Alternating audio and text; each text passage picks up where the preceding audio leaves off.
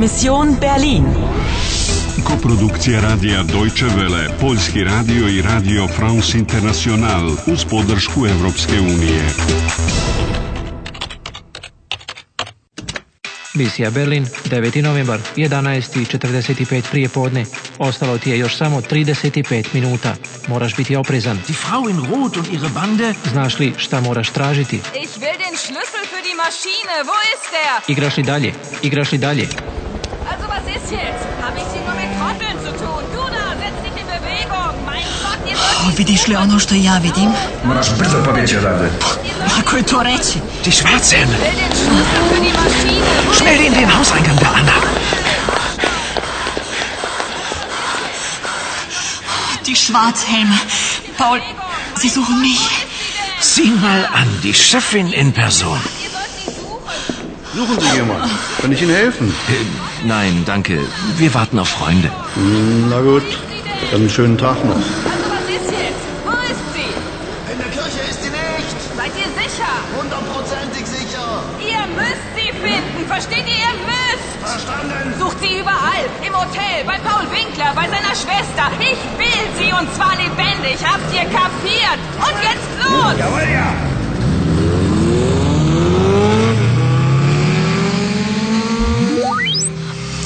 Traži. Ali ona te hoće živu. Prosto da se čovjek naježi. O, jesi li čuo kako razgovara sa svojim pomagačima? Ihr müsst sie finden. Versteht ihr? Ihr müsst. Oh, ali šta sad ovo sve znači? Ihr müsst. Versteht ihr? Ona koristi neformalni oblik plurala u njemačkom jeziku. Vi morate, vi razumijete, shvataš li? A ja samo znam da moramo požuriti. A ostalo u stvari ne shvatam. Zar se vi ne kaže sie?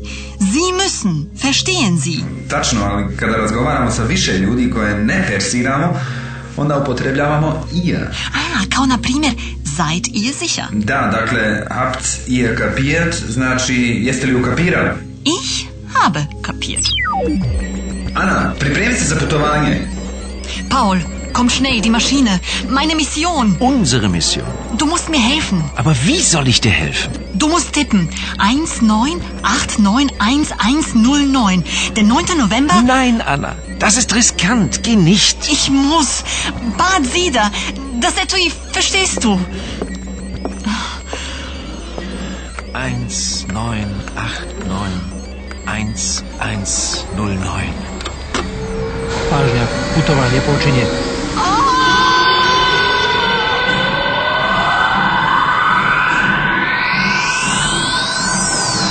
Kraj putovanja, 9. novembar 1989. 8 sati i 30 minuta uveče. Berlin, Brandenburška kapija.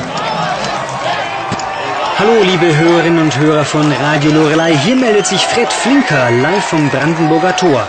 Denn hier fällt gerade die Mauer, die Berliner Mauer, die so lange die Deutschen getrennt hat. Sagen Sie, was empfinden Sie eigentlich im Augenblick?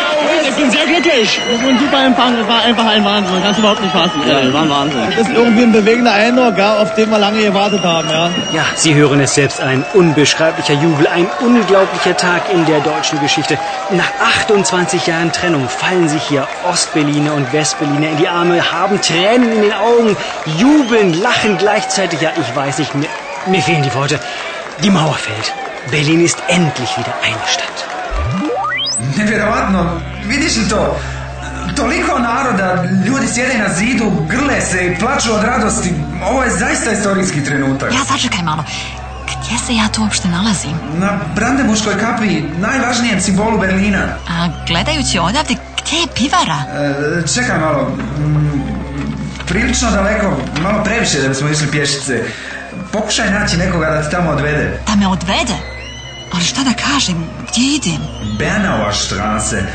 Odatle ću te ja navoditi do Sternbrauerei. Tamo moraš stići prije žene u crvenom. 22. runda uspješno završena.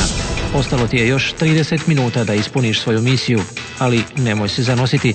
Žena u crvenom se ne predaje tako lako. Ich will sie und zwar lebendig. Habt ihr kapiert? Možeš li privesti kraju ovu misiju? Die Mauer fällt. Berlin ist endlich wieder eine Stadt. Igraš li dalje?